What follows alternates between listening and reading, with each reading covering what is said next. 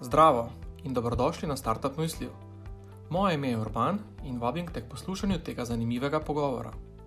Startup Misli so podjetniški pogovori s prepoznavnimi imeni domače in tuje startup scene, namenjeni deljenju in izmenjavi izkušenj, pridobivanju novih znanj ter širjenju mreže povezav.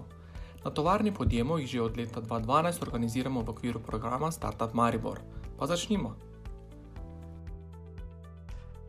Um, dobrodošli na Startup Mislijo. Uh, tema je e-mobilnost, priložnost v tej najrastoči panogi. Uh, vsi, ki ste danes tukaj, imate na nek način, uh, ste na nek način povezani z e-mobilnostjo ali pa z mobilnostjo, uh, zato se veselim debate. Pa mogoče za začetek uh, ena kratka, kratka predstavitev, um, pa kar tu bom začel na, na moji levi, uh, Klemen, Klemen Forlan, Giro.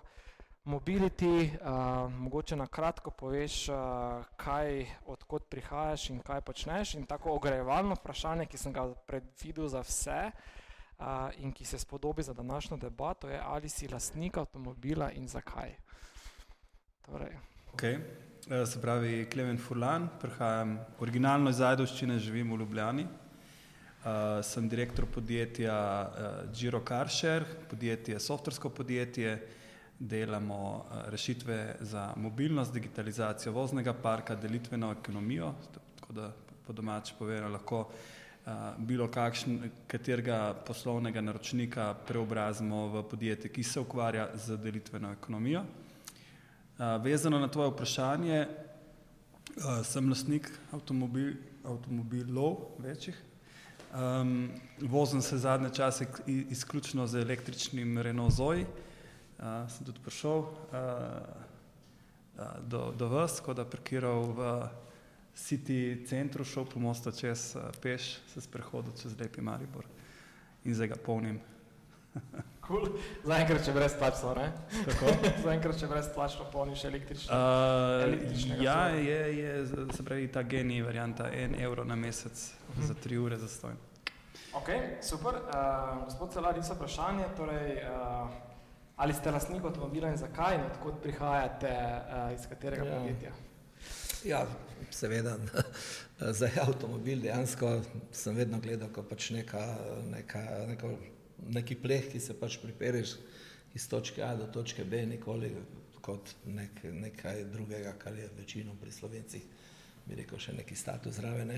Tako da uh, uh, bi rekel, to je moj osnovni namen avtomobila. Uh, kar se pa tiče. Uh, ste pred kratkim praznovali 30 let v bistvu uh, Komtrona, uh, torej najprej čestitke za ta jubilej. Uh, se pa v zadnjih letih Komtron ne ukvarja, ne v zadnjih letih, uh, samo z računalniki, po katerem je bil mogoče prvotno znan, ampak tudi v bistvu ste zelo aktivni v panogi e-mobilnosti. Ja. Mogoče malo na to temo povesti. Ja, Komtron zdaj že če je to bilo pred korono, ne pomeni, da je to kar redko, zdaj gre v 33. leto. Ne.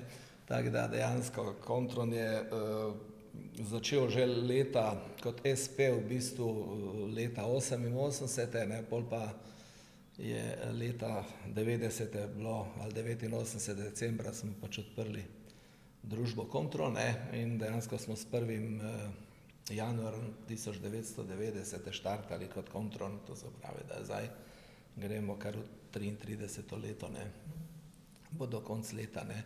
Tako da, ja, kontron je vedno nekako poskušal, uh, poleg neke osnovne dejavnosti, vedno je hotel še narediti, pač iti malo v kakšne druge vode, ne, ko so na začetku vsi samo, bi rekel, računalnike šraufali, smo mi odprli trgovino, ne, leta 1999 smo začeli tudi na razvoju softvera za poslovne aplikacije. Ne. Uh, to smo leta 2008 prodali uh, uh, trgovine. Ne. Skratka, smo tudi v teh letih kar nekaj firm naredili, pa prodali, tako da v bistvu takrat še nismo poznali tega zbiranja denarja, ne, tako kot je danes. Ne. Takrat si dejansko moral ali, ali od bank uh, uh, dobiti denar ali pač če si kako firmo naredil, pa si je dobro prodal. Ne? Tako da smo v tem času eno tri firme tudi prodali, dve dobro, eno bolj, bolj tak. Ne? Ampak vedno je to tako, da ne moreš, ne moreš veliko, vedno zadeti na loteriji, ne? ko to delaš. Tako da, seveda, zdaj uh, uh, dejansko kontrol v tem trenutku ima tri divizije ali tri profitna centra, eno je sistemska integracija, skratka infrastruktura, strežniki, data centri, varnost na internetu, uh, uh, telefonija, komunikacija, ne? skratka vse, kar neka družba potrebuje, za, da, da postavi pač uh, neka aplikacija, gor, druge, druga uh, divizija je uh, programska oprema, ne? RP, skladišni sistemi, trgovine, Ne? In zdaj, štiri, štiri pa pol leta nazaj, ne, dejansko, je, dejansko smo začeli bolj kot uh, baterije, ne, skratka, nekako smo predvidevali in to se zdaj tudi kaže, da dejansko na začetku niti ni šlo tako, bi rekel, je šlo kar počasi, ne. Zato smo tudi pač upeljali tudi kolesa, da smo krili, uh, da smo krili uh, razvoj, ne, ker na začetku pač delaš sam razvoj, ne. Uh, In seveda je, je pol, bi rekel, nekaj smo gledali, kaj bi še in smo, pač, kar je moj hobi kolesa, že iz študentskih časov, ture čez Vršič v Benetke, čez Zlokner v Salzburg, Dubrovnik in po celi Evropi, ne, je, je ta, bi rekel, ta hobi je dejansko nekako prevladal, ne, ker če nekaj nimaš rad, težko delaš, ne.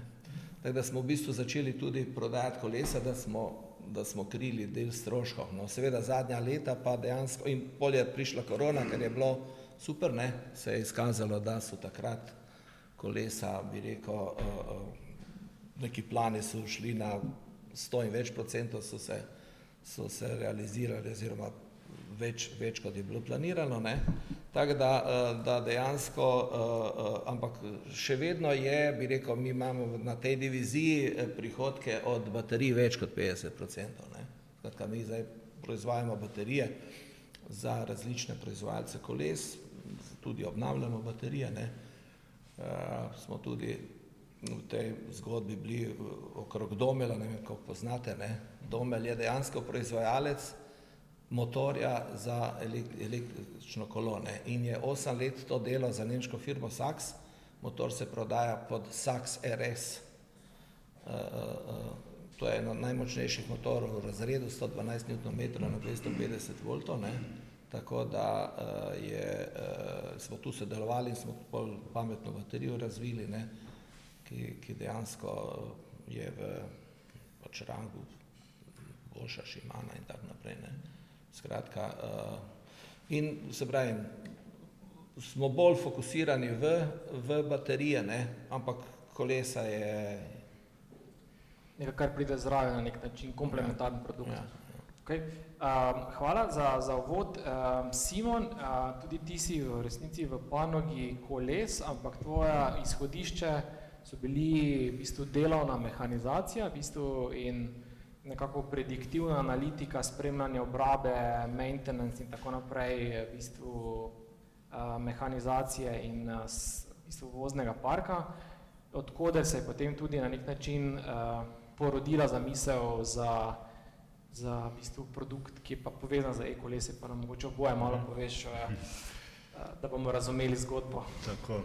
Torej, mi smo v zadnjih letih bili bolj v panogi telemetrije, torej sistemske integracije oddeljenega prenosa podatkov, kar pomeni, da smo integrirali sisteme v delovne stroje, tornjake, poslovna vozila, kombije in to je služilo čitanju lokacije, parametrov, nad vse pomembnega obratovalnega časa in planiranju vse te flote strojev oziroma delovnih vozil.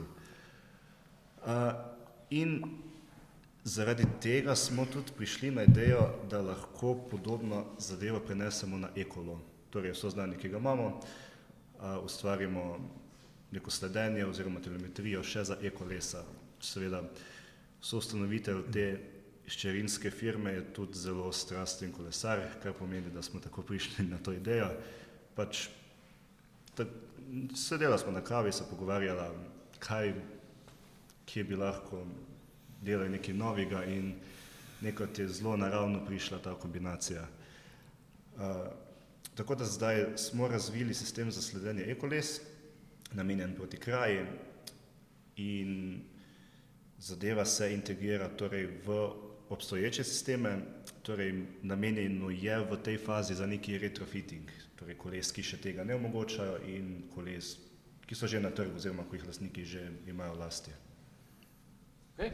Um, isto vprašanje kot uh, lahko vse. vprašanje že postavljamo. Uh, lahko, izvolite. Ajde, imate, gosti imate prednost. Torej, da zdaj vi razmišljate tudi, da bi za prezivalce naredili neki... Tako, v naslednjem koraku, uh -huh. uh, ko se zadeva dobro uvede na trgu, dobro potestira, odpravimo vse napake, ko je res stoprocentno potem, na, ko gremo do proizvajalcev, oziroma ko že imamo neki traction, naslednja faza so proizvajalci ali pa zavarovalnice oziroma neki fleet management za te kolese. Še to, glede na to, da smo danes pri e-mobilnosti, eh, me zanima, si lastnik avtomobila, pa zakaj ga uporabljaš? Ja, sem, smatram ga bolj kot nujno zlo. okay. uh, ampak ja, seveda, uh, sploh v Sloveniji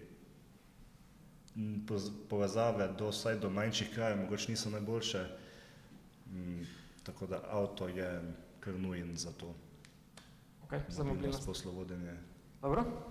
Cool. Um, še Gregor, um, Gregor, uh, v bistvu prihajaš iz zavarovalnice Sava, um, imaš v bistvu z, odgovoren za torej, razvoj zavar, torej, premoženskih zavarovanj na nek način. Ja, prihajam iz bistveno bolj dolgočasnih panog, ne videzno kot moji kolegi, ampak ja, meni se kljub temu zanimiva. Uh, razvoj premoženskih zavarovanj pomeni ja, avtomobili, hiše, mikromobilna sredstva, kuški in vse bistveno bolj kompleksne uh, produkti bolj, um, za podjetja. Za moje izkušnje z, z avtomobilom sem lastnik, ja, nažalost zelo dveh, ne, dolg časa imam dva mulca, pa, pa so dolg časa bila žena ponosna, da ima samo en avto. Ne. Se veste, kako mulci imajo vsak svoje treninge, pa to treba razvažati. No, potem je bilo pa tako, da sem dobil službo na avto, ker pa imamo politiko, da žena ne sme voziti službo na avto in samo mogla kupiti en avto, tako da takrat sem bil prav slabe vole. Um, drugač pa ja, vesel sem vsakeč, ko grem lahko na kolo, nimam sicer eh, e-kolesa, ker mislim, da po Ljubljani ga niti ne rabaš, če si malo fizično, kot to presep. Um, Učtevam pa dneve, ker ravno mlajši sin zaključuje pač tist do peti razred, ki ima tri km in ga mora zjutraj voziti in pa grem seveda tudi za avtom v šolo. Zdaj od šestega naprej ima 500 metrov do šole, tako da od 25. oziroma od 27. junija dalje hodim v službo s kolesom in se res se veselim, no, da mi ni treba avto užigati za tiste 4 km po centru. No. Uh, bo še, da, avto bo praktično sam še za, za kakšno popodansko logistiko, pa da v Maribor prejem enkrat na teden. No. Mogoče, če pri tebi začnemo z enim vprašanjem, ki je tudi za vse, vsem namenjeno. Torej, ena sprememba v panogi mobilnosti, uh, ki je v zadnjih treh letih po tvojem mnenju najbolj radikalno spremenila način transporta ljudi ter njihov odnos do mobilnosti? Um, torej za vse goste isto vprašanje, um, pa mogoče začnemo kar pri, pri Gregorju. Torej, kaj je po tvojem mnenju najbolj v zadnjih treh letih spremenilo uh, to, kako ljudje, posamezniki dojemamo mobilnost, transport od točke A do točke B? Um, in, um, pa korona šteje. kaj pa korona? Ja, pravi se tako, da, da se korona res eh, tako statistično se poznala, pač eh, zdravnica Sava kot a, eh, velika zdravnica, ima, mi imamo, koliko imamo vozil, praktično skoraj 500 tisoč vozil, ne? in pač zdravništvo je taka branža, ker velike številke hitro se kaj izkaže, ne?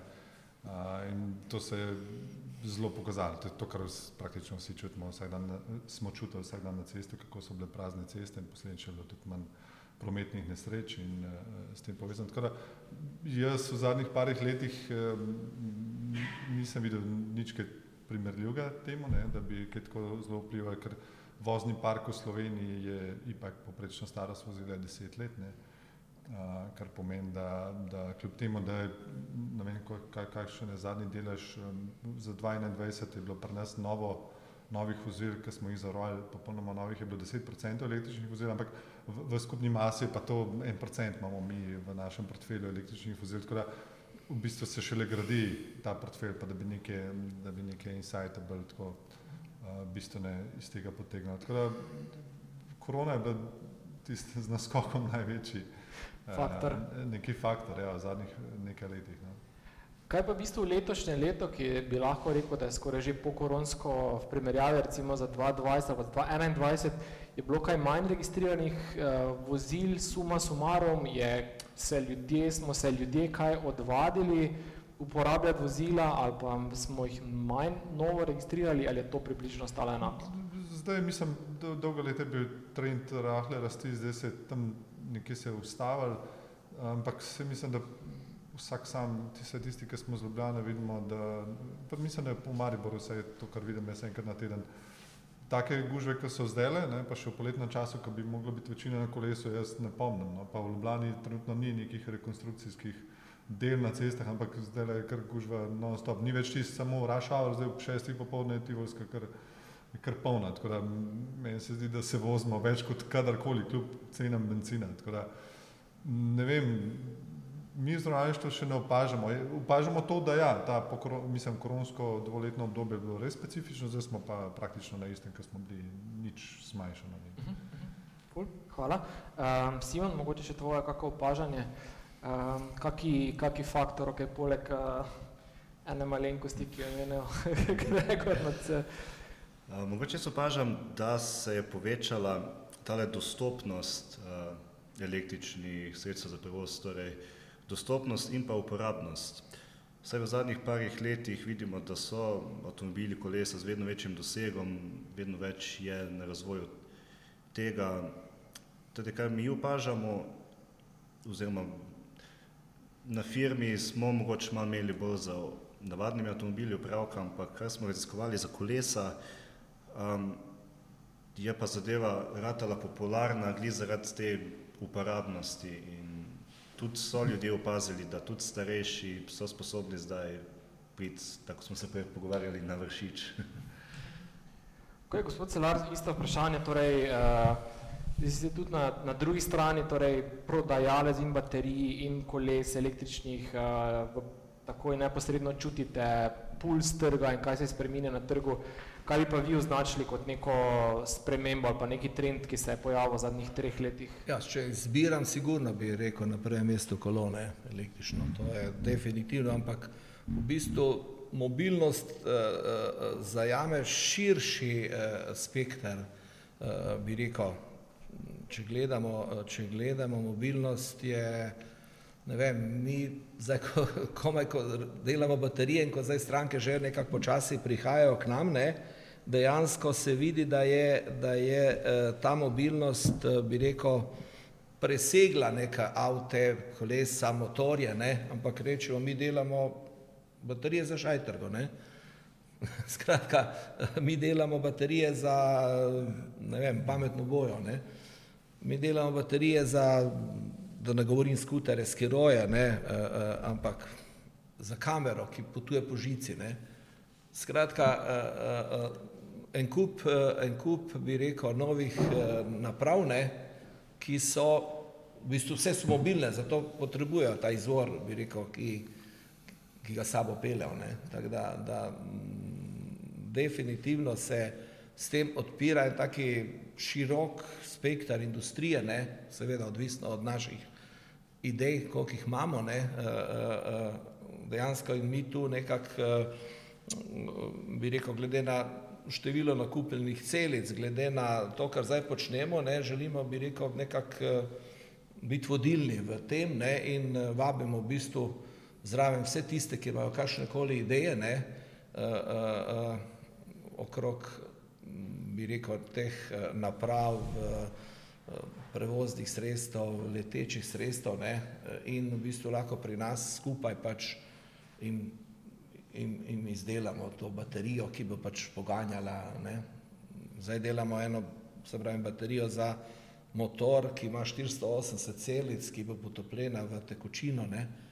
Uh, uh, seveda ne vodo.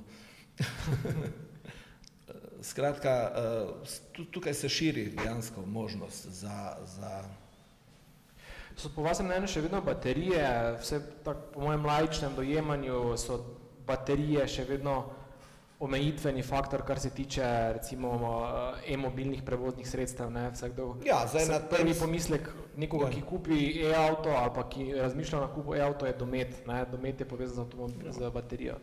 Ja, verjetno, verjetno se bo tu moralo še nekaj narediti ne, na, na zmanjšanju pač teh baterij. Ne. Ampak na stvarih, ki jih mi delamo, ni teh omejitev. Ne. To se pravi na kolesih, vse to ostalo, kar se naštel. Ni, mislim, da tu ni, ker zdaj kolomi, zdaj že delamo baterijo 880 W, kar pomeni, da lahko komod greš čez pohorje, ne. ali pa 200-250 km, kar pomeni, da ti prej ta zadnja gre. kot pa baterija. Kot baterija, ne. Klemen, um, v bistvu isto, isto vprašanje, zdaj, ti si pač Giro Mobility je bil, je na trg vstopil z temi zelo znanimi rdečimi skuterji, ki jih uh, jaz to ne bom spustil priložnosti, da povem, da jih tudi pogrešam v Mariboru, čeprav mi veš, da bodo zdaj znova hitro na voljo. Uh, skratka, skuterji tam 2019 oziroma 2020, Um, zdaj ste pa v bistvu se pre, nekako pivotirali v ta hospitality sektor. Mogoče kako ti vidiš to panogo mobilnosti, mikromobilnosti, kje si zdaj ti našel svoje mesto na, na tem uh, zanimivem, spreminjajočem se trgu? Mm, ja, mislim, v glavah ljudi se ni nič spremenilo, če, če tako recimo prva stvar zelo pomembna. Um, kdaj se bodo stvari spremenile v glavah ljudi, mislim, da ko bo cena nafte dovolj visoka, če bo, kdaj koliko je visoka. Je, koliko je to? Kaj je tvoje predvidevanje? Kaj je to? 3 ali pa 5 evrov na liter. Um, in takrat bodo začeli ljudje razmišljati o alternativnih opcijah, ne, spravi, um, brezoglično se pri, pri, prideti na, v službo, bi pač mogel biti nek standard in uh, to te, v tem danem trenutku je lahko, je možno samo z vlakom, v kombinaciji, pametni kombinaciji z nekim delitveno ekonomijo na postaji. Uh, in uh, to, recimo, kar pa jaz zdaj opažam, ne, da uh, Evropa zelo podpira projekte, ki omogočajo infrastrukturo, ki ne zahteva uh, uh, avtomobila. Avtomobil je dosegel svoj, svoj maksimalni nivo. Uh, je pa dejstvo, da uh, se je svet odločil, da je to preteklost, da je to 2035, v Evropi ne bo več uh, izdelanih vozil na notranje izgorevanje. Um, zdaj lahko bo to še hitreje, lahko bo počasneje.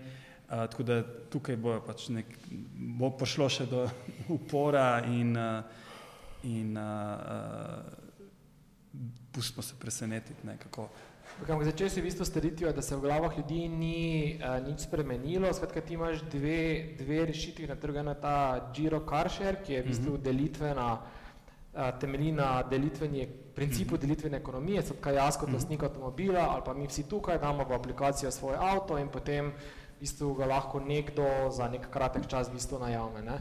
Uh, zdaj, kako je ta rešitev zaživela uh, in kako smo Slovenci pripravljeni svoje uh, jeklene koničke in ponose deliti? Jih nismo.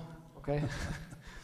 Uh, se pravi, to je tako, bom rekel, standard v glavi, uh, ne delim treh stvari, ne, žene, mislim, ne posojam treh stvari, ne, žene, avta pa denarja in to zelo drži. Uh, to ne pomeni, da uh, ne bo v nekem trenutku uh, uh, zadeva sprejeta, ampak tako recimo kot uh, kolega pri Avantkarju, ne Avantu Go, super rešitev, ampak že, že spet ljudje, ljudje eh, rajše plačujejo za amortizacijo, vem, po 600-700 evrov povprečju in z vsemi stroški na mesec za, za drugi avto, namesto da bi se odločili za neko tako rešitev, ki pride dokazano trikrat cenejša, pa ni to naša rešitev, recimo, pa, pa, pa sam vem, da je, da tako to je.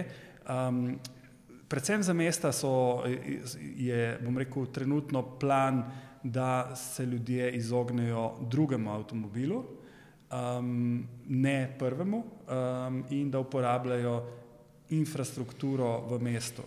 Kar se tiče, če se pol navežem na tisto prvo vprašanje, ne, mi smo, um, se pravi, 2006-2017 je, um, je, je, je svetovni denar ugotovil, Eh, da je zna biti revolucija na področju eh, uporabe mobilnosti samo za tam, ki jo rabim, do tam, kamor hočem iti, ne, se pravi, točke A do B in pustim tam. Ne, in, in, smo, in smo potem imeli nek tak backlash uh, oziroma neko negativno reakcijo strani uh, rekel, mest in nasplošno publike, ker so ne, ta vozila večinoma skiroji smetili mesta, ne, se pravi, na koncu ta, ta zadeva ni bila urejena in zdaj smo tri leta kasneje z ogromno tehnološkega napredka, ki se ga sploh ne vidi, ki ni dostopen javnosti. Zdaj, recimo zdaj je, je podjetje, ki je zelo močno podprto strani uh, Evropskega EIT, Urban Mobility inicijative, uh, platforma za komunikacijo med, med uh, mestom in med uh, temi ponudniki. Um, še zmeraj, da to, mislim, da to ni čisto, no, z moje strani bi bilo potrebno še neko privatno inštitucijo, ki je šel, šel vmes zraven in pomaga risati območja mesta, dobesedno na, na platformi, na zemljevidu, določati virtualno te postaje. Uh, en zanimiv primer je Pariz. Ne? Pariz je bil najbolj napaden strani teh ponudnikov mobilnosti, uh, in uh, zdaj recimo v pravilno smer razmišljajo, se pravi, določeni deli mesta so nedostopni, na določenih mestih je omejena hitrost, na določenih virtualno so določene točke, kjer lahko sploh pustiš vozila, tako da to je zdaj nekako prava smer, da, da se uh, mesto organizira, še zmeraj pa potrebujemo, da je težava, no, proaktivne uh, javne uslužbence, kar je redkost, ne, in uh, tukaj je en tak privatni del, ki, ki bo, bomo rekel, nekako vzel uh, stvari v svoje roke. Ista zgodba je za avtonomno mobilnost. Jaz avtonomno mobilnost vidim čez dve leti, če se prepusti uh, nekomu odgovornemu, da recimo uh, avtomatizira upadnice v mesta, uh, da so tam na self-drivingu. Kaj? Zakaj ne? Ne, ne, samo upadnice. Pravi, mi imamo neke določene poti, pravi, eh, avtonomna vožnja je samo kvalitetno zrisane črte, ki uh, določajo. Mislim, poznam zelo dobro avtonom, avtonomno vožnjo, tako da uh, stvari se bodo bistveno hitreje premikali, kot bi se bilo kdo uh, predstavljal. Ne. Cool. Uh, zdaj, en taki uvod smo naredili, da približno se poznamo, kaj počnemo in odkot prihajamo. Nek tak uvod v e-mobilnost smo naredili, tako da imate mogoče uh, kako misel, kako vprašanje, ki se vam utrne na tem trenutku za naše goste. Preden nadaljujemo uh, naprej. Uh. Prvo veseli me, da v mize že med sabo malo klepeta, kar je vedno super in dobrodošlo. Um, mogoče še uh, nadaljujemo za bistvo malo za te strukturo te panoge, uh, pa, pa bistvo se uh, k vam, uh, um, gospod Stelar, selim. Bistvo uh, panoga e-koles je predvsem v teh zadnjih letih ne koronskih bistvo doživljajo en taki velik razmah. In um, se mi pa zdi, da ta trg se mi zdi vseeno relativno dobro strukturiran. Zdaj, kako vi vidite, strukturo tega trga, v bistvu e-kolesa pa e-mobilnosti iz vidika a, nekako a, cenovnega razpona, iz vidika tipa uporabnika, a, pač imamo v bistvu e-kolesa od cenovnega razpona ne vem, tisoč ali pa do, ne vem, na zgor pa skoraj da ni omejitve. Ja. Kako vi vidite strukturo tega trga in kje ste našli vi priložnost v, v tem, v tem na tem trgu? Ja, moje razmišljanje pri poslu je vedno bilo tako, kako bi mi nekaj naredili, eh, bi rekel, čim nizko, ne, zdaj v bistvu trg je res razvit, če gledamo kot trgovinje in tega, in ki pač prodajajo kolesa, eh, bi rekel, vseh blagovnih znank, vseh, ne, ampak mene kot podjetnika je vedno, jaz sem vedno imel interes, eh, kako bi pač prišel posel in naredil čim čim več ne samo prodal, ne, ampak da bi pač uh, uh, to, ta, bi rekel, segment me vedno interesiral. Ne. Zdaj, uh, in seveda tu pol naletiš na ogromno, bi rekel, uh, izzivov, ne. Včasih smo rekli problemi, danes se to reče izzivi, ne. Uh, kjer dejansko nimaš infrastrukture, ni nič, ne. Skratka, če hočeš narediti kolone, Ne, iščeš, iščeš, kdo ti za švaso, ker pač nisi varilec, ne najdeš, ne, skratka, moraš se povezati z z onimi, ne, pošev oki, ne. Skratka, in tukaj dejansko je ta infrastruktura, kjer dejansko bi pol sem klical Impol, ne, če bi oni to delali, ne, te bi rekel kose za kolesa, ker pač kolesa so neki standardni kosi, ki jih počvariš in malo oblikuješ in pač pride kolo, ne. Ampak so rekli, ja, se mi bi to delali, samo naročite sto tisoč kosov, ne. Jaz vam bom pomagal razvijati, ampak ni, ni bilo posluha, skratka. Uh, uh, tako da tukaj dejansko je še veliko možnosti, ne, uh, uh, bi rekel tisti, ki se pa želijo to spustiti, da si delo razdelimo ne, in takrat dejansko bomo hitri, konkurenčni, ne, ker v tej fazi, da ti razviješ eno kolo, mi smo najprej naredili 12-13 koles z osmimi različnimi motorji, ne, skratka in to pač traja, ne, da ti to, to so procesi, eno leto ni nič, ne, mislim, ne, skratka, če bi pa vse ta infrastruktura, vsi ti proizvajalci raznih stvari, ok, neke glavne zadeve, sigurno, da ne boš delal, ne, ampak bi rekel, ogromno je možno narediti, skratka, tu je, tu je veliki, velika priložnost za podjetnost. Ampak ste vi zdaj, če recimo uh, pogledam vaša kolesa, na kateri segment ciljate, nekako srednji cenovni razred, ja, ali v bistvu na bolj na mestna kolesa? Mi v bistvu, mi v bistvu nekako dolgoročno ciljamo na celi spektr. Ne. Seveda, uh, zdaj smo štartali na kolesa, ki so manj zahtevna in ki so, bi rekel, nekje bolj po meri, uh, uh, ne vem, eni rečejo 50 plus, eni 60 plus, ne. Uh, ali pa 70 plus. Skratka, eh, in eh, dejansko tudi v samem trženju je ta kolesa, bi rekel, grejo nekako najhitrejše na trg. Ne. Je to moče neki segment po raziskavah, ta segment 50-60 plus je to v bistvu, ko je ena populacija, ki prej ni kolesarila, pa je zdaj v bistvu začela kolesariti ravno zaradi tega, ker ima malo električne ja, tu se pomoči. Vidi, tu se vidi tudi, oni dejansko ne sprašujejo, ne, ali je to Shimano, je to S-Ram, ali je to oni menjalnik, ali je uh, one zavore, ne, v bistvu oni želijo imeti kolo, ki gre, ki ima dobro baterijo, ne, soliden motor uh, in skratka iz tega stališča je tudi lažje stopiti na trg, ne, ker če greš pa v zdaj trg HN, ne, uh, uh, bi rekel, tam dejansko je, uh, uh, so sladokusci, ne, in ok, ta trg tudi obstaja, se, če pogledamo to hrvaško firmo, uh, uh, ki je zdaj prodana, meni se zdi Porsche, ne? Tesla. Ne Tesla, ne. Aha, mislim Rimac, ja. Rimac, ja, ne. Oni so štartali v high-end, ne, in tudi jim gre, ne, ampak pač prodajo po celem svetu, ne. Skratka, eh, če hočeš, eh, bi rekel, hitro ta trg v bistvu je zdaj nekako, kot gledamo, številčno najbolj bolj pozivan. Je vaša vizija, da postanete slovenski rimac uh, za kolesa? Uh, ali kakšno imate vizijo? Ja, naša vizija je, da dejansko delamo kolesa za široki trg. To je, bi rekel, uh, za, v bistvu, zato smo tudi ta naziv ekono, ekonomično, ne, zato je tudi ta, bi rekel, brand, skratka, tudi v preteklosti, tudi ko smo računalnike delali, smo delali dejansko robo za čim širši trg. Čim širši trg, ja. Okay, okay. A, super. Um, Gregor, zdaj v bistvu uh, zavarovalnici Sava ste na nek način tudi pionir na področju zavarovanj za mikromobilnost. Uh, kaj, kaj je bil tisti impuls, da vas je pripeljalo, da ste začeli razvijati to vrstno zavarovanje, ki je v bistvu unikatno na, trgu.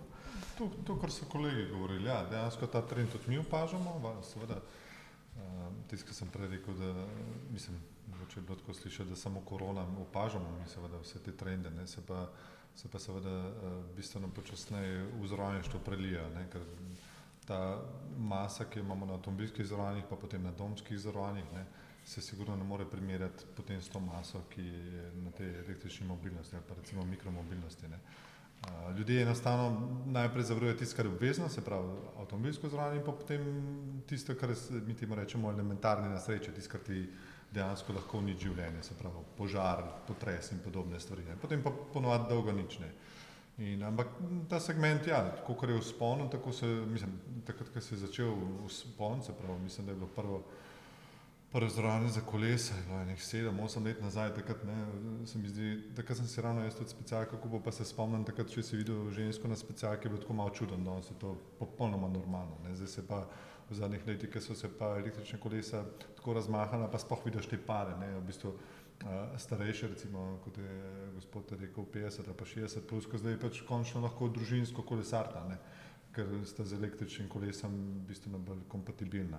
Da mi smo takrat začeli, eh, mislim, takrat je zvoranica Sava in tako tudi Triglo je potem uh, razvil uh, eh, zvoranica za kolesa, kar ni bilo nič pametnega na trgu. Zdaj smo se pa prilagodili, um, predstavljalnica je zelo tako, ne, hitro kopiramo eno drugega. Uh, lansko leto smo pa naredili malo večji preboj v zvoranica Sava, ker smo pa uh, tisto, kar je bilo glavno poprašovanje na trgu, je kraja kolesa iz zaprtih prostorov. Ne. Vsi, vse zavarovalnice smo do zdaj zavarovali samo iz, iz, iz odprtih prostorov, vse smo zavarovali samo kraje kolesa iz zaprtih prostorov, se pravi, če bi bil neki kleti, na lani pa smo dali zavarovalnice samo prve, da ven, pa zaenkrat nas niso še kopirali, tudi iz odprtih prostorov, ne. se pravi, kaj za kandelabr, za zaklenjeno kolone. In to je tisto, kar je, kar je trg poprašoval potem. Ne. In to se nam tudi zdaj pozna na prodaji. Seveda gre pa počasi gre to. No. Jaz mislim, ne vem, koliko je delaš, mislim, koliko je številčno vseh koles na trgu, ampak verjetno jih samo ne, nekaj procentov zavrujemo. Enostavno ena je ozaveščenost, že prej smo, ko smo se pogovarjali tukaj, le, mi, ki smo, ne, kakšna je cena. Jaz recimo za svoje kolo, ki ga imam samo za polubljani, eh, ki je vredno 430 evrov, jaz plačujem kasko za krajo 15 evrov da, za tako kolo. Verjetno večina bi presenetila ta, ta višina premije. Ne. Seveda pa potem proporcionalno narašča. Ne. Mi vemo, da na trgu so električne kolesa se tam pred 3000 evrov ali koliko se šele začnejo. Um, zdaj, pa, pa, potem pa hiter potrošnik začne primerjati ne, to ceno tistim, ki je da za avto. Ne. Tako da pa, pa hiter razmišljajo, ja, zakaj bi pa jaz tako dal. Ampak avto v krst se bistveno manjkrat, ne, ker to je reguliran trg, imamo ne. Avtomobil, avto danes v krst ni tako simpel. Kolo krst je pa bistveno lažje, ne, bistveno lažje ga je skrit, nekam prodati, ne, avto prodati, se vemo, v Sloveniji praktično ga ne moreš, to gre pol po nekih delih in imaš en kupen stroškov, tako kolo je pa to pa to lažje, ampak še zmer mislim, da ko, bo, ko bodo potrošniki ozaveščeni okoli tega, da, da se bo premaknil, zdravljeno, to gre pa vse malo bolj počasno. Ampak v bistvu te mikromobilnosti ni samo kolo, ampak so tudi v bistvu druga ta mikromobilna ja, prevozna sredstva. Ne? Seveda, ampak je, opažamo, da je kolo z naskokom, vsaj pri nas v našem portfelju, tisto, ki se zavruje, s kirojem imamo zelo malo zavranih, ostalih naprav pa praktično, mislim, tisti seaboardi, pa to, to je, se, če ga vidimo, že vsi gledamo za nekaj. Tako da tega res malo. No. Tako da kolesa so tiste glavne in tudi mislim, da je to verjetno kolegi bolj vejo prodaje kolesa tista, ki najbolj tudi narašča. No. Skiroji se mi zdi, da so kar na nek način že dosegali nek, nek domet tisti, ki ne, se v Ljubljani, uh, mislim, s skirojem priješ eh, do nekega dometa, s kolesom bi pa, kolo bi pa praktično lahko imel praktično vsak slovenc električnega, ne, mm, da se mm. nekako uh, začne dejansko malo bolj premikati, tako razdalje, ne samo po mestu, ampak tako, da gre na, na vikend s kolesom, ne. to je tisto, kar verjetno nas čaka v prihodnih letih. No. A v bistvu tudi, kar je zanimivo mogoče na tem, na tem produktu, je tudi za števil, naraščanjem števila kolesarjev in v bistvu drugih udeležencev v, v tem prometu je tudi v bistvu, so tudi poškodbe, spremljate tudi ali pa nesreče, ki povzročajo v bistvu poškodbe. Tudi spremljate, kaj je to število, ker tudi odgovornost je v bistvu del tega produkta. Ja, odgovornost, praktično avtomobilska odgovornost, to je edino obvezno zoranje v Sloveniji, ampak s temi skiroji pa e-kolesi pa uh, bi praktično se verjetno bo slejko prej bo to obvezno, ne? zato ker če, bo, če se bo masa preselila na, na ta mobilna sredstva, jaz mislim, mislim z enim skirojem ali pa z električnim kolesom lahko ravno tako človeka orang poškoduješ, če pride do poškodbe. Ne. Tako da jaz mislim, da nekdo, ki veliko preživi, oziroma ne, ne veliko, ampak ki sploh, če gre enkrat na, na teden na kolo, mislim, da bi mogel imeti to odgovornost sklenjeno, zopet lahko čisto za splošno informiranost, to stane 13 evrov, da je celoletna premija, da imaš ti odgovornost na kolesu, Uh, lahko skleneš družinsko, ki je za vse člane družine samo krat dva, se pravi za 25 evrov imam celotna družina odgovorno za rovanje, katero koli lahko vozijo, eskiro, katero koli kolo, karkoli, pač, uh, kar ne spada pod obvezno zavarovanje. Tako da jaz mislim, da ta ozaveščenost uh, bo mogla priti na, na višjo stopno, ker, oziroma bo sama po sebi prišla, ker enostavno več ljudi, ki se bo s tem vozil, več bo tudi nesreč, tako pač je. Uh, nesreča je povezana s tem, koliko si izpostavljen, koliko voziš in. Pa imaš kakšen podatek, koliko je teh nesreč, tako približno, je to že nek, nek, nek resen delež in ali ta delež narašča? Ali? Naš, ja, naš portfelj je zaenkrat, če prav mehen, da bi, se pravi, kot sem od začetka rekel, mi prejemamo z velikimi številkami, pa dokler ni to nekaj deset tisoč, sploh nočemo kaj razgovarjati. Ampak spremljamo pa te statistične podatke, to, kar policija šera, pa to, ja, zdaj, ravno kakšne dva, tri mesece nazaj, ko je bil začetek te sezone kolesarske, je bilo spet, kako v bistvu je kar problematično, že se to rata. Ne. Pol sem, da je obvezne čelade, pa to a, zelo se je to propagiralo. Tako da jaz tudi osebno ne grem na kolo, pa iskero nikoli več brez čelade praktično.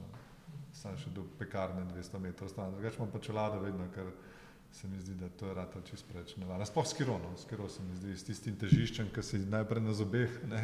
Par kolesa imaš saj nekaj pol metra pred sabo še. No. Skiro, se, skiro se mi prej zdijo nevarni. No. Um, Simon, tudi ta, v bistvu, ta to, v bistvu, kraje in uh, uh, odstotek ukradenih koles je tudi v bistvu rešuje vaš, vaša, um, vaša rešitev. Je bila ravno ta odstotek, naraščajoč odstotek ukradenih oziroma e-koles, tisti moment, zaradi katerega ste se odločili za rešitev, ali je bil še kaj druga? Torej, uh, kako ti vidiš to neko panogo in mesto, mesto v tej panogi e-mobilnosti? Ja, seveda, s tem, ko se spremeni oziroma narašča razmerje električnih koles proti navadnim, se tudi seveda narašča razmerje ukradenih električnih. Zdaj ta številka vsaj na nizozemskem, to je trg, ko ga morda zdaj malo preučujemo, je prišla približno na 50 odstotkov pač razmerje med navadnimi pa električnimi. Kar pomeni, da se je od približno milijona koles letno približno 500 tisoč um, predalo električnih. Od tega bi naj električnih bilo ukradenih tam okoli 25 do 30 tisoč. Kdo za rojence se vse krije, če se pri nas zgodi? 25. Mislim, krila bo vse, kar bomo sprejeli v kritje. Ja, vsak bo vsaki, zimsko odpominjal. Ja, vsaki 32, ja, kaj? Jaz imam... Izvolite, izvolite. Podatek se strani policije, da je Maribor ukradenih, ne vem, če za 25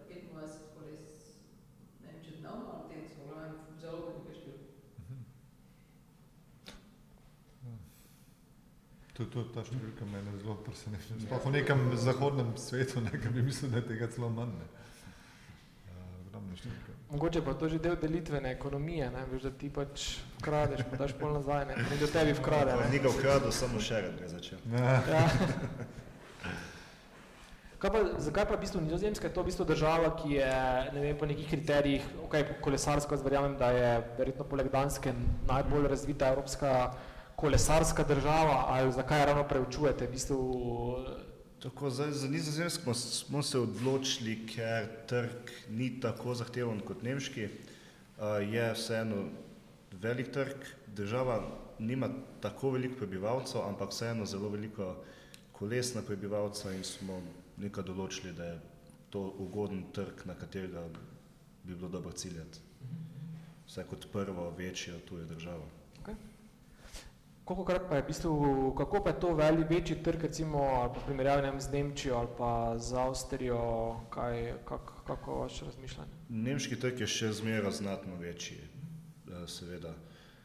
Zdaj točnih številk nimam, ampak mislim, da v Nemčiji bi moglo biti čez milijon letno koles.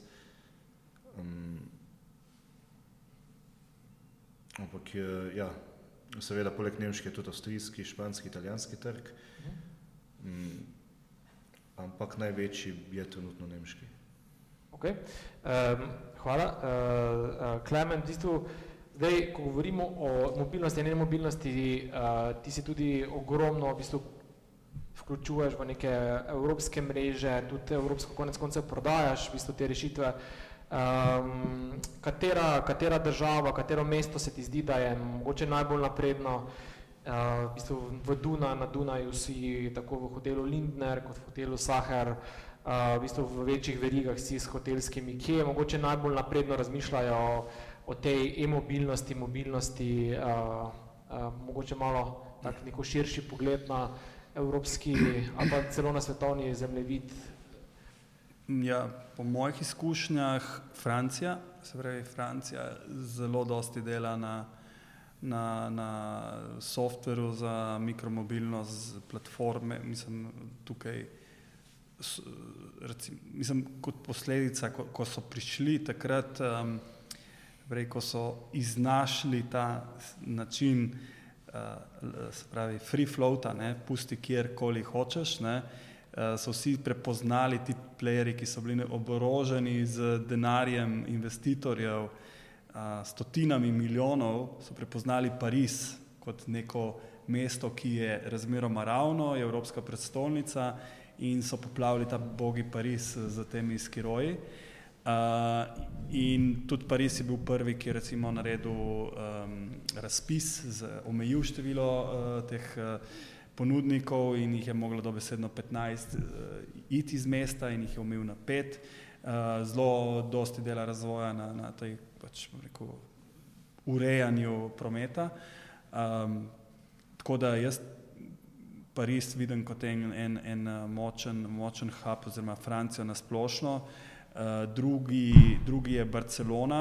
Barcelona je mesto, kjer ima sedež ta EIT Urban Mobility. Uh, iz tist, tam je tudi, bomo rekel, dosti teh projektov in inicijativ, ki se jih pojavlja. Pa Nemčija ima, recimo Berlin, um, zelo, zelo močno podporo. Ne? Tako da mi, recimo Slovenija, smo risk country, ne? to pomeni, nerazviti, um, zaostali. Uh, zelo zanimivo, mislim, da se dogaja Velocity.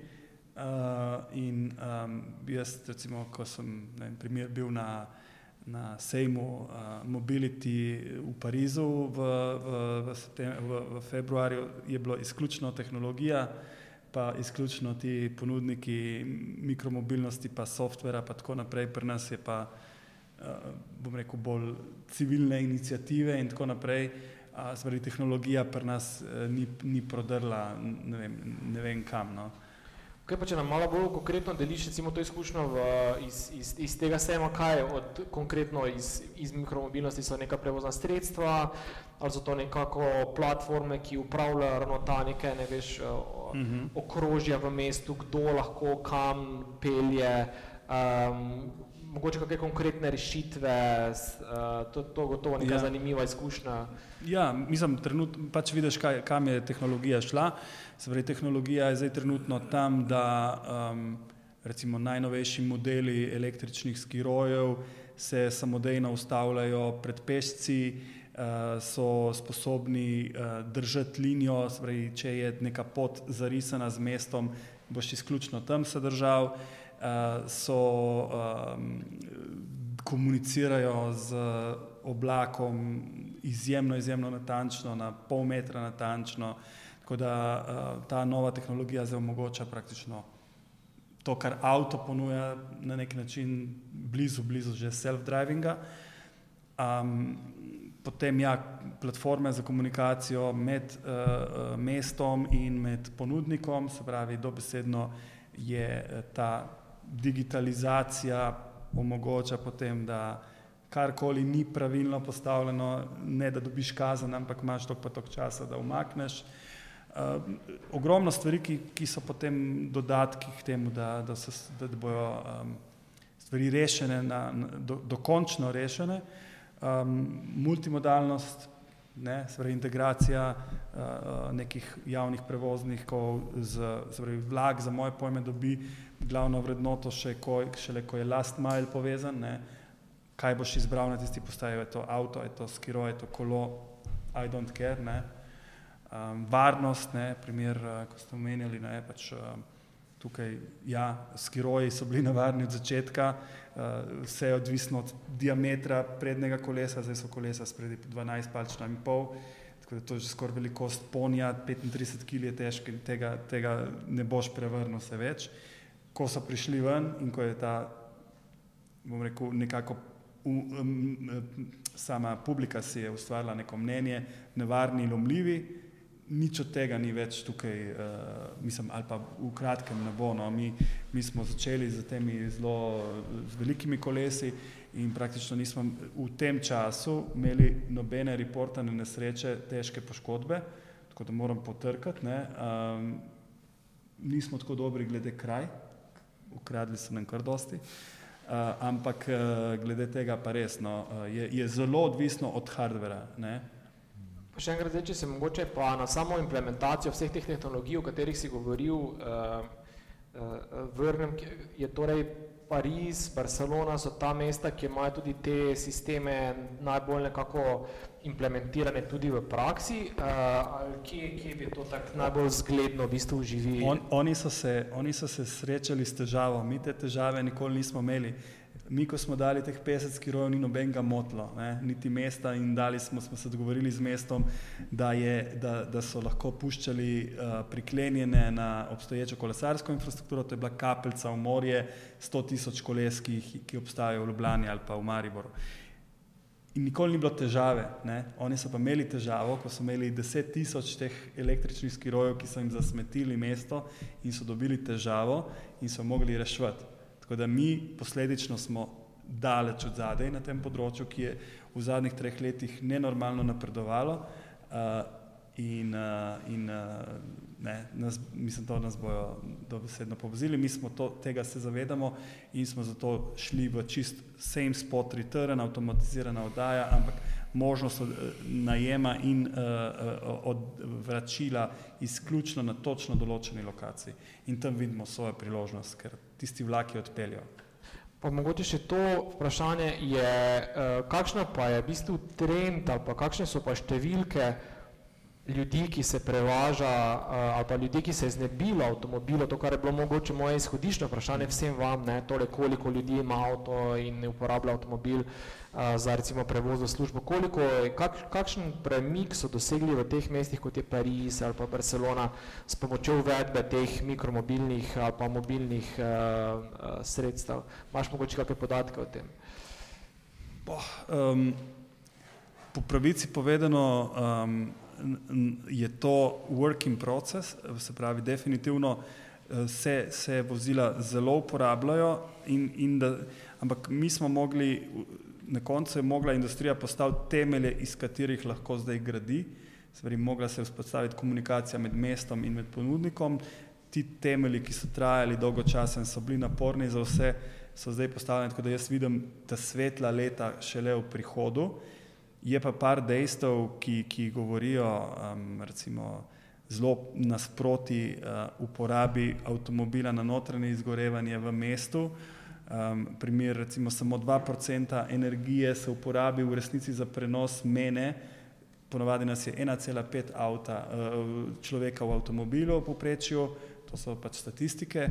Uh, in um, zbrej, jaz osebno imam recimo 80 kg, prevažam dve toni materijala, izgube, se pravi, toliko časa stojim v, v koloni, toliko časa uh, se, se pravi, imam, uh, stojim v koloni, to, ki je izgub notran, zaradi notranjega izgorevanja in tako naprej, na koncu 2% energije, ki jo ima benzin v sebi, se samo izrabi za to, da sem se jaz predstavil 4 km iz točke 1 v točko 2. In to pri recimo nekem električnem skiroju, ki je 30 kg, je, je ta energija, ne vem, 30-40% izkoristek, že zaradi tega je zadeva. Mislim, določene statistike so take, ki, ki, ki, no, ki jih publika ne ve in če se bi jih zavedala, bi mogoče hitreje uh, stopila v neko inicijativo. Okay. Hvala. Uh, izvoli. Ti ponudniki, ko so deski roje podobno, to še vedno delajo, so še dobičkonosna podjetja ali še kar trošijo denar investitorjev? Nihče tukaj ni dobičkonosen. Um, kurijo denar investitorjev, ki upajo, da bo v prihodnosti to donosno. Um, uh, dokler ne bo, spravi, jaz mislim, da prvi, prvi preboj, ki bo prišel, bo, bo drago gorivo, drugi preboj bojo prepovedi oziroma zmerom večje omejevanje parkirnih mest, ki so na voljo za vozila na notranje izgorevanje in drugi uh, uh, vinjete za vstop v mesto z vozilom na notranje izgorevanje. Ko bo prišlo do tega, bo začel zelo, zelo velika kritična masa ljudi to uporabljati, da bo dobičkonosno.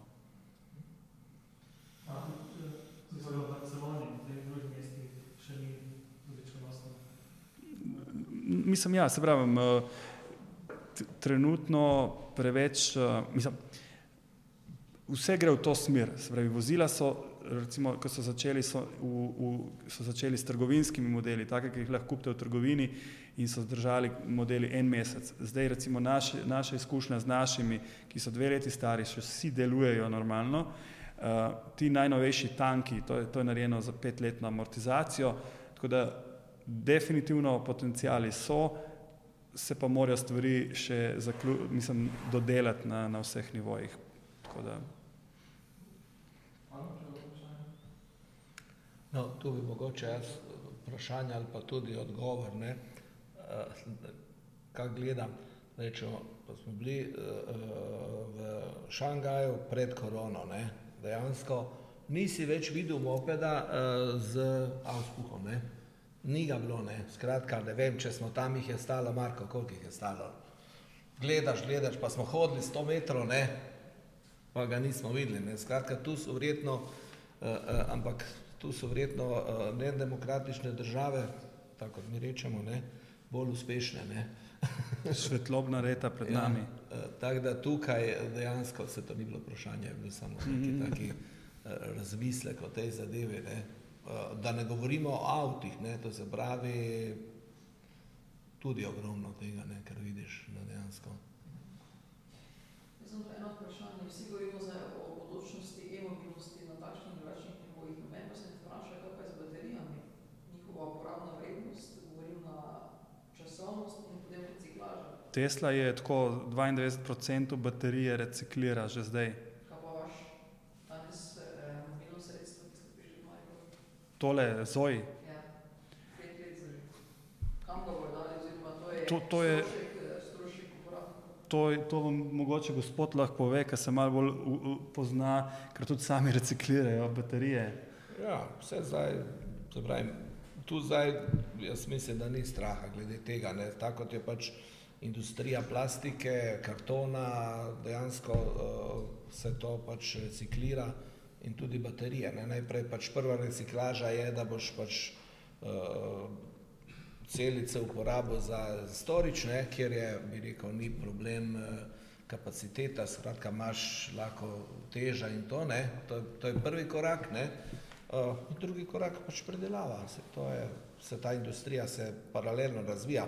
Zdaj celo bi rekel, pri teh večjih baterijah, ne, uh, uh, sicer to je zdaj neka taka napetost, ker skozi to hočejo tudi davke dati gor, ne, da bi vsaka taka baterija imela, uh, uh, bi rekel, kartico in bi pač povedala, kje, ne, pa koliko je še, koliko je, je še, ne, skratka, v to smer gre, seveda industrija se tega otepa, ker je več dela, ne, ker je več dela, tako da tukaj dejansko se paralelno zadeve razvijajo, jaz tu ne vidim. eh, Konkret, konkretno, če govorimo recimo o, o tem mojemu Zoju, je noter, ne vem, pa bom rekel na pamet, 5000 baterij iz prenosnika in od teh 5000, ko ne, ne, ne bom naredil tistih 200 tisoč kilometrov, jih bomo dali recimo, recimo da gospodu jih prinese, mislim reče, pa, pa razdre to in pač preveri baterijo za baterijo, ker večina teh celic je potem uporabna vsaj za storage še, še ne vem koliko časa. Ker v baterije, baterija dolgo časa traja, samo jim pade uh, kapaciteta. Ne? In če pač uh, jo uporabimo v nekem mestu, kjer ni več teža toliko važna, ne?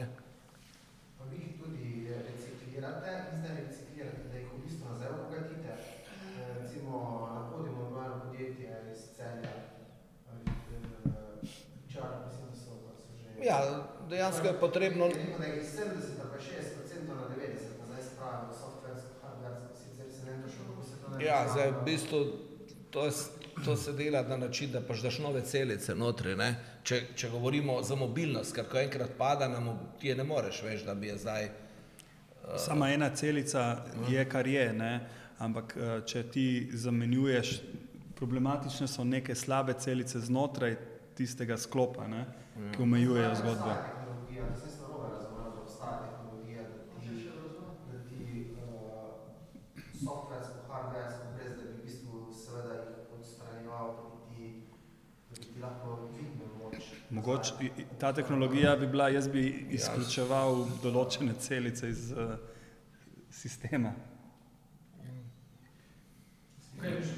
Ne, da bi se že eh, baterija, ki je padla, kapaciteta, kar tak priključil na neko, jaz ne vem, da obstaja mogoče, ampak ne vem.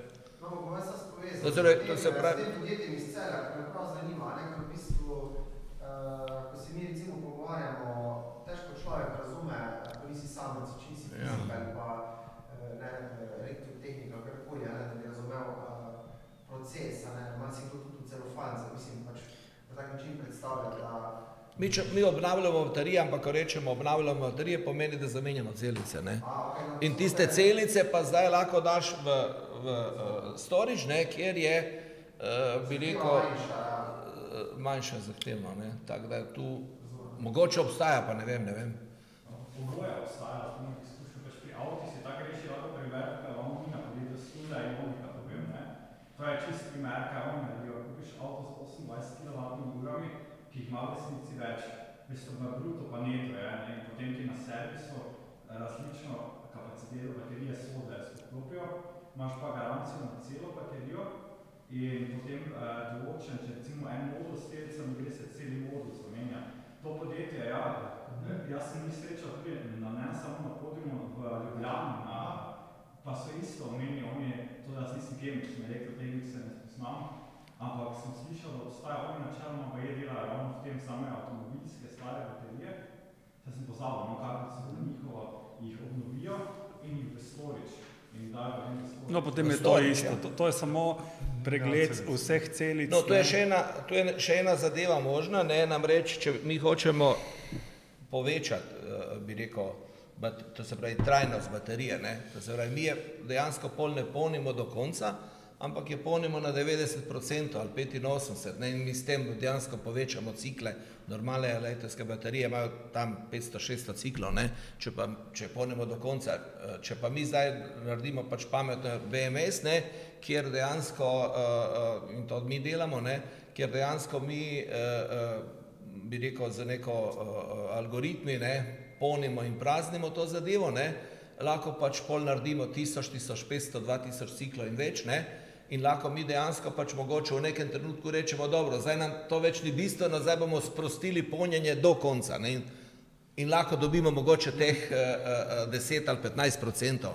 Ne, lahko bi to bilo, ne. zdaj pa da bi to celico, ki je zdaj uh, uh, iz 100% kapacitete padla na 75%, spet brez da nekam priključimo, pa naredimo na 100, ne vem, če je možno. Ne. Ampak če govoriš o softveru, pa je možno, ker v bistvu ti zdaj razbiješ to polnjenje do 85% in sprost... Jaz sem to na neki način fake, mislim fake, to je neki fake hack. Ja, ampak Ja, imaš ja. rezervo. Ni fizikalno, da bi ti baterijo Ne, ne, ne. Ja, ja. V bistvu vprašljivo, če bi lahko to sploh imenoval Ja. obnovitev, ne? Ja, ja, ja. V bistvu beseda obnovitev bi pomenila, da se ti na nek način jo To-. Da si je priključil To- med plus To je minus. računanje na, na to, da ne, nekdo ne ve, kako je po sestav, sestav te baterije, ne, ker je praktično sestav nekih BMS-je, ne, ta Better Management System, ki poveže pa eno plastično hišje, pa ena, ena, ena komandna plošča. Ja. Bistvo pa je teh 2000 ciklov, ne, in če se naveže mogoče na, na to, če imaš tako dober sistem za vzdrževanje baterije, da, da zdržiš 2000 ciklov, pri mojem zoji to pomeni to 2000 krat 300 km, kar je 600 tisoč km. Ne? 600 tisoč km je pa bajna številka. Ja, s, tem, če- da, s, če tem, bi- da, s tem, da v tem primeru ti, eh, ti peleš skozi 15% več uh, uh, Tako, baterij. Ne? Po tem po 60 tisoč kilometrih mi morate baterijo menjati, je ta? 600 tisoč. 600. 600, 2000 krat 300. A 2000 ciklov imate vi. Ne, ne, ne, jaz sem to rekel A ja, tak. z dobrim BMS, se pravi, Ja, ja. potencial je tak. Ne? Ja. Tako da uh, uh, verjetno je to to. Ne? Zavrnjen za krijem, baterije, v primeru škodnih dogodkov ali pa... Škode, ja. V primeru, škode krijemo baterijo, seveda, to je del avtomobila, ne pa v primeru, če se izprazne, ne, pač če, nek, če se pokvari. Ne. Tudi avto ne krijemo v primeru, če se pokvari, ne, zraven to krije tiste nepredvidljive dogodke, kar je pač nezgoda, nesreča. Cool. Mogoče, če uh, glede na to, da se nam uh, čas počasi izteka, uh, gremo na zadnji zadnji krok um, vprašanj. Um, super, da se je ta debata malo raz, raz, uh, uh, razživela. Uh, zdaj, um, dosegli smo zdaj uh, v, bistvu v Sloveniji, pa tudi v Evropi, kaj imamo neke različne stopnje te razvitosti in mobilnosti. Zdaj, kaj pričakujete, recimo v naslednjih, um, kjer v naslednjih petih letih nekaj največje priložnosti za zagonska podjetja, za start-up podjetja, ali so to neke nove tehnologije, um, naprave, storitve um, in hkrati povezano s tem, kje v vaših organizacijah vidite priložnosti za sodelovanje. Torej, kje so priložnosti generalno in uh, kje recimo, uh, pa če začnemo, Klemen, kar pri tebi, uh, kje ti vidiš neke priložnosti v naslednjih petih letih, um, neke in konkretno v tvojem podjetju, kdo lahko po tem, ko bomo zaključili, pristopi k tebi in kaj, kaj bi potreboval? Ja, um, to je področje, zdaj, jaz mislim, da smo zdaj na neki točki in da bo točka čez deset let čez druga, se pravi, kompletno bomo zamenjali način. Uh, vidim, da tudi svet sam gre, uh, mislim, to razmišljanje jaz imam, v kaj nas hočejo spraviti. Torej, hočejo nas spraviti iz uh, trenutne dobe lastništva. Trenutno je, mislim, da svet gre na boljše, da zmeraj več ljudi živi kvalitetno življenje. Prišli smo iz tega, da je bilo revščine v Afriki, v Aziji ogromno, da zdaj recimo že cela Azija živi rekel, na nivoju nas, da že do, deli Afrike živijo na nivoju nas, da je lakote zmeraj manj in to, to, to je dejstvo. Ne. Uh, da, uh, ampak da bo svet preživel, ker nas je vseeno 8 milijard ali neki v taki, taki coni, moramo um, ne, sprej, treba osvojiti nek sistem, kjer bomo delili stvari, kjer lesništvo ne bo več vrednota in boš uporabljal sredstvo, koga boš rabo, pa naj bo to bilo kaj. Uh, ne, pač. Ampak prevoz je pa definitivno en izmed takih na, zadev.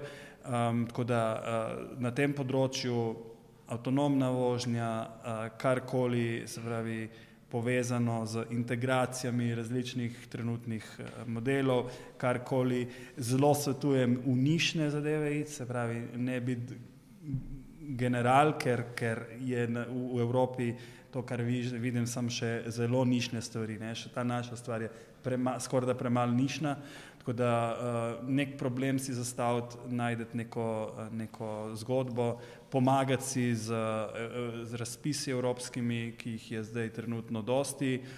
Slovenska država kot uh, nerazvita država na tem področju ima neke mogoče pikico boljše pogoje.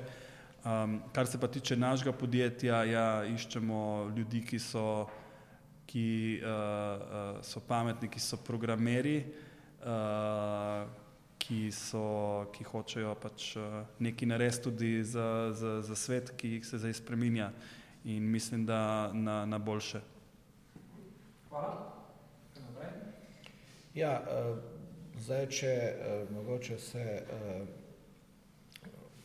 spet pač jaz zadevo gledam bolj iz strani uh, ustvarjanja oziroma proizvodnje teh uh, mobilnih sredstev, ne, uh, Tukaj dejansko smo v, začet, v Sloveniji komaj v začetku. Evo, jutri je prvi sestanek ne, na kolektoru, ne, deset firm uh, uh, za, za v bistvu slovensko kolesarstvo združenja naj bi to nastalo ne, in deset firm bo tam prisotnih. Ne. Mogoče uh, uh, kolektor, ne, on tudi ne zadeve dela za kolesarstvo.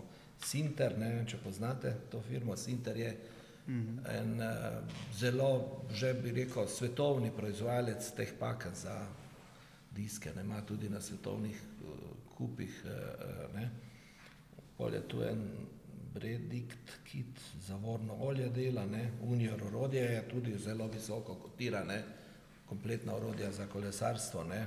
Pa smo mi glede baterije, Kult je že znana firma, dalj časa, ne? Uh, uh, domel, ne, tako sem rekel, to zgodbo o motorju, ne, LPEC, ne, v bistvu oni servisirajo kolesa iz cele Evrope in vozijo v celje, imajo veliki halo za servisirati kolesa, ne. KIK, mobilne rešitve niti ne poznam, kolesarnica, ne, Turna, ne, Turna v bistvu je od uh, Gorenja kupila blagovno znamko Rok, ne, in tudi ponija dela, ne, pa Berg kompozit, proizvodnja sedeža. Ne, točno. Skratka, potem se vidi, da smo dejansko tukaj, uh, uh, uh, se to bi za tebe vredno bilo tudi, ne, interesantno, ne, da se dejansko uh, formira to združenje. Uh, uh, uh, uh, zdaj, kar se pa tiče, bi rekel, um, kaj je bilo točno vprašanje, malo skrivno s tem. Kje so priložnosti za sodelovanje, pa kje, Ja, a, torej no, konkretno to za... je v bistvu to, je to sodelovanje. Ja, ne. Eh, Zdaj dejansko mi gremo zdaj tudi letos na Eurobike ne, v Frankfurtu, letos se seli z Friedenshafen v Frankfurt, tako da dejansko uh, iščemo, iščemo, bi rekel, pač, jaz zdaj temu rečem, da smo pač v državi Evropi, ne, iščemo pač širše tukaj na en take sejmu, lahko dejansko dobiš uh, partnere za, za sodelovanje. Ne? Skratka, ker dejansko tukaj ne moremo, ker jih ni, ni. Uh, ne? Tako da dejansko se, se hočemo dejansko širše povezati, seveda, ko do, iščemo pač in dobre dobavitelje in pač kupce. Ne? Okay. Torej, uh, ekonom gre v, v svet. V Evropi, recimo, Kitajci delajo za kolesa, koliko sem naših bravo, da so v Evropi je Portugalska taki center. Ja, Port- Portugalska, tam je ena dolina. Ja.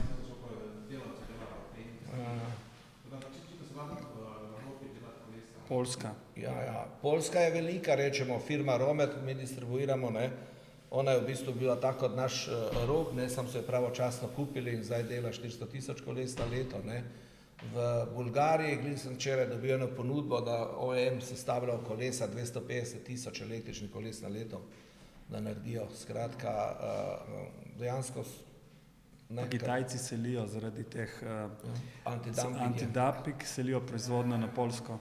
Da, Poljski je ogromno. Ja. Ampak, če hočemo se mi eh, razvijati na nekem področju, ne, težko verjetno se razvija, da vse kupiš na kitajskem, ne, ker pol v bistvu moraš z nečim tisto plačati. Ne. Ja, ker zdaj govorimo o panelih, pa o vsem tem, ne, pa vse vozimo iz Kitajske. Ne. To je malo nekako, eh, bi rekel, Skregano z logiko. skregano z logiko. Ne. Simon, isto vprašanje tudi zate. Um, torej, kje vidiš ti neke priložnosti za, za, za neka mala inovativna tehnološka podjetja, pa mogoče tudi kje so priložnosti za sodelovanje s, s tvojim podjetjem?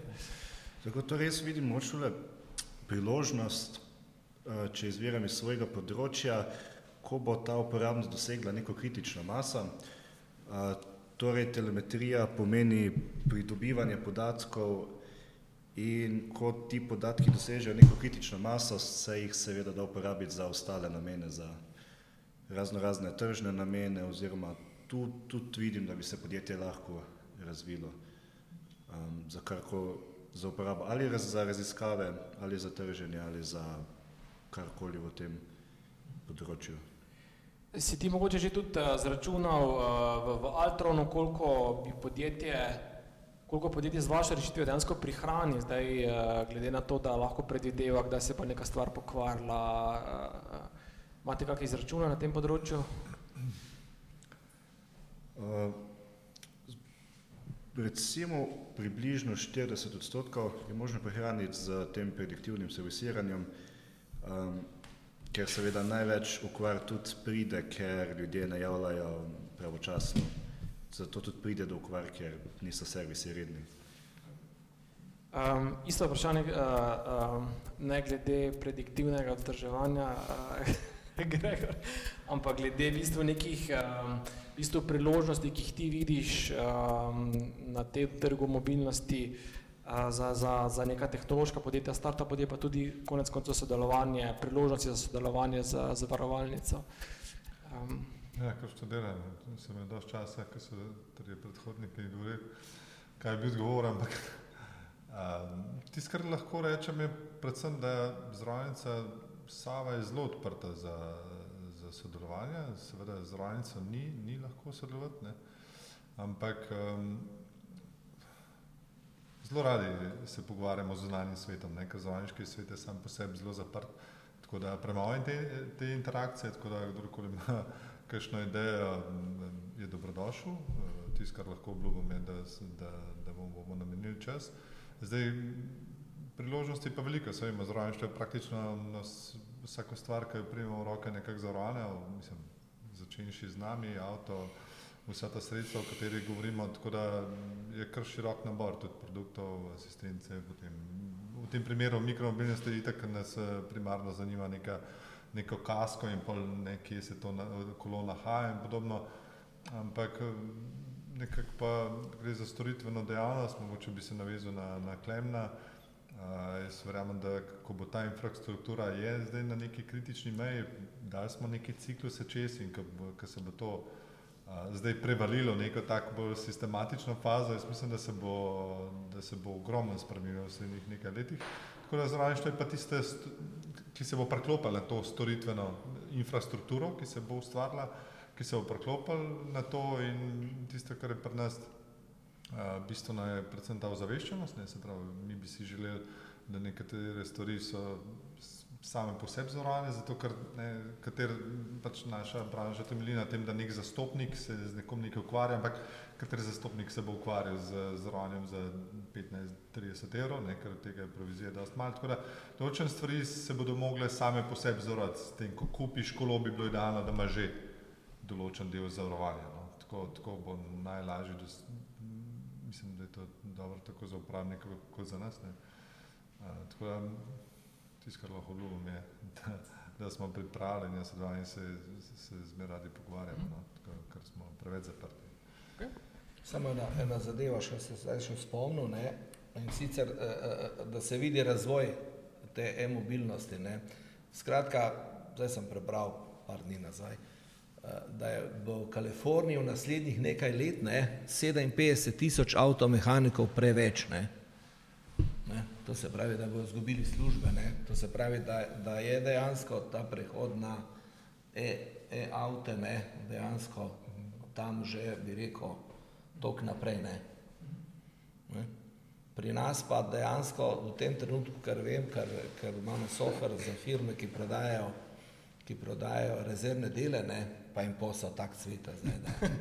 Da, za, za nas še ni upanja, da se bomo hitro ja. preklopili na. Ja, to se pravi, eh, se širijo, odpirajo trgovine, ne, uh, uh, ti, ko prodajajo neodvisni, ne Mercedes, ampak ko prodajajo pač.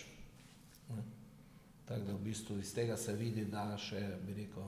Kaj pa po vašem mnenju, v bistvu, Klemen je že prej, ko sem vprašal, v bistvu, kaj je po vašem mnenju tisti faktor, ki, bo, ki bi lahko pomenil tisti preklop na mase ljudi, na bolj v bistvu neka trajna um, mobilna sredstva. Klemen je rekel, ok, cena nafte na 5 evrov na liter. Uh, kaj po vašem mnenju bi bil ta faktor, da bi ljudje masovno začeli uporabljati?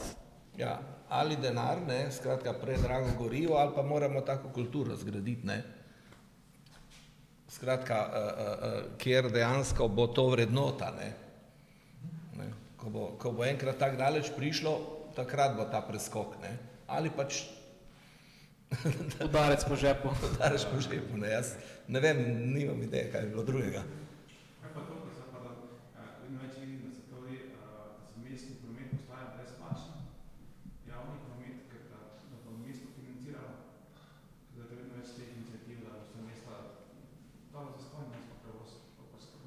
To je pomembno. Jaz mislim, da ta gospod omenja vrednoto. Jaz mislim, da na, jaz ne bi na to preveč štartal, ker mislim, da bomo prisiljeni večino stvari, kot v Ljubljani. Jaz praktično ne pomislim, da bi šel z avtom v mesto, zato ker je, mislim, s kirojem, s kolesom, s busom, taksiji so še zmeraj strašno poceni.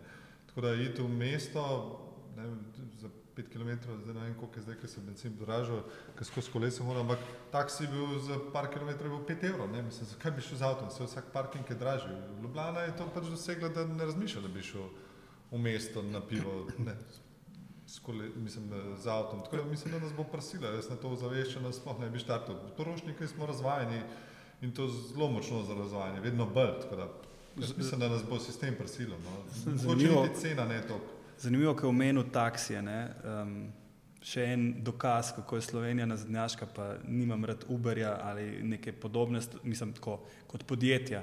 Ampak to, da moram jaz poklicati na telefon v letu 2022, da poiščem taksi, to je noro.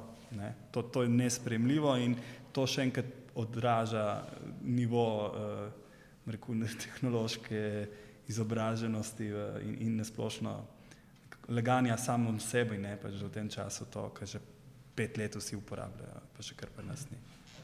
Če sem se rekel svojo misel, pa ne vem, če imam pravilno, ne, se mi zdi, da imamo par stvari, ki bi mogli spremeniti, da bi bilo lahko masovno drugače. Recimo, bi naredili analizo, kaj bi mogli spremeniti, da bi se kaj spremenilo. Recimo, vlak Maribor Ljubljana.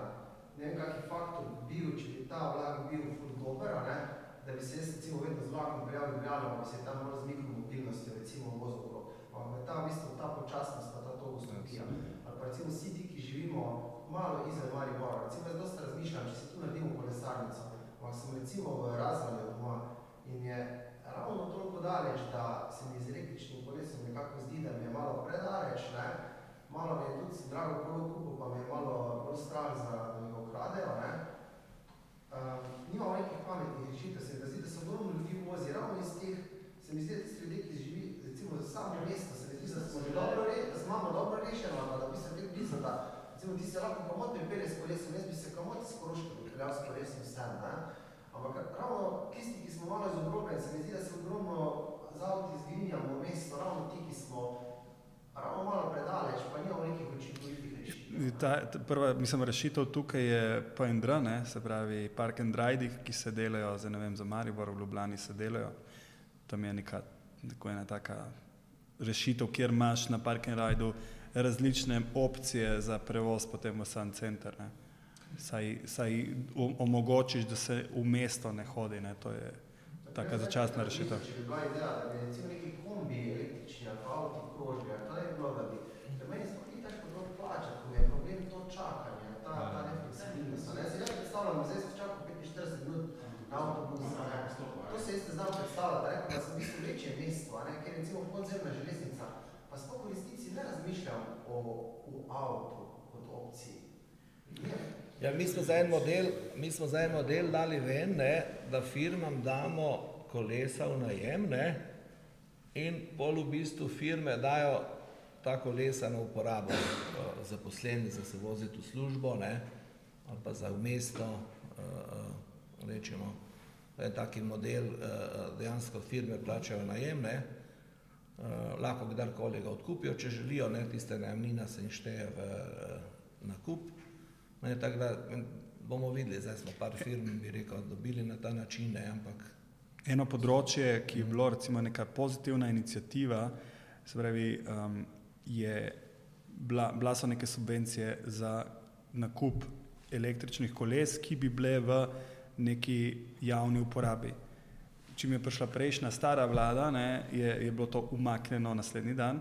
Uh, je bil razpis mal zelo čudno napisan, ampak to, da, da ti omogočeš ne vem, neko podporo za, za to, da se saj kupujejo ta vozila, ki morajo biti nujno najemljena, namenjena javni uporabi, da tega niso sposobni sestaviti, ne, je, je, je, je, je osnovna težava tukaj, nekaj nam bi ful pomagalo vsem nam, da, da, da so pač taka kolesa subvencionirana, če so dana v javno uporabo. Jaz za kolega tukaj imam, sem se že prej pogovarjala, jaz imam čisto rekel, neka kombinacija njunih dveh produktov je za nas perfekten produkt. Uh, se pravi, ne samo GPS, sledenje, ključavnica uh, za varnost, uh, opremljena z, z, z kolesom na ključ. No, Vzam vidim tudi dejansko z obema možnost sodelovanja. Ja. Še kako vprašanje? Meni se jaz Slovenija premalo, ker še vozili primerjam s sosedno Avstrijo. Problem je v slovenski politiki ne zavarovanje, zavarovanje registracije. Recimo primer, registracija za, rečemo, 1.6 dizel prije v Sloveniji 100 evrov. V Avstriji prije skoraj jurje. Za električni avto se pa registracija ne plača v Avstriji. Recimo v Nemčiji je ista cenovna politika, ne? In se mi zdi, da ta cena goriva Slovenije, tako, tako kot si rekel, bomo potem mogla res priti do 3-4 evre, kako po povprečju slovenski voznik na na leto 10 tisoč, je strošek goriva še vedno premale, da mogli za pa še pri podjetjih, recimo problem, če podjetje zdaj kupi avto v Sloveniji, lahko dobije davek, ne dobi pa subvencije. Vseh ostalih državah dobi subvencijo, pa še davek.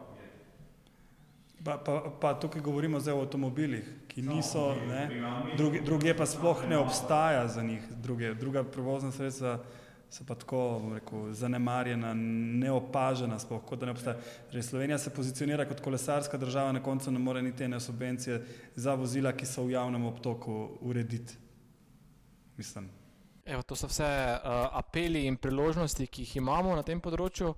Um, zdaj, uh, ta formalni del bi jaz s tem uh, nekako zaključil. Uh, gotovo imamo še kakih pet minut, da počakamo, pa poklepetamo potem skupaj po uh, Po koncu jaz bi se vsem super lepo zahvalil za, za to debato, za vaše misli, izkušnje in pa za priložnosti, ki ste jih delili.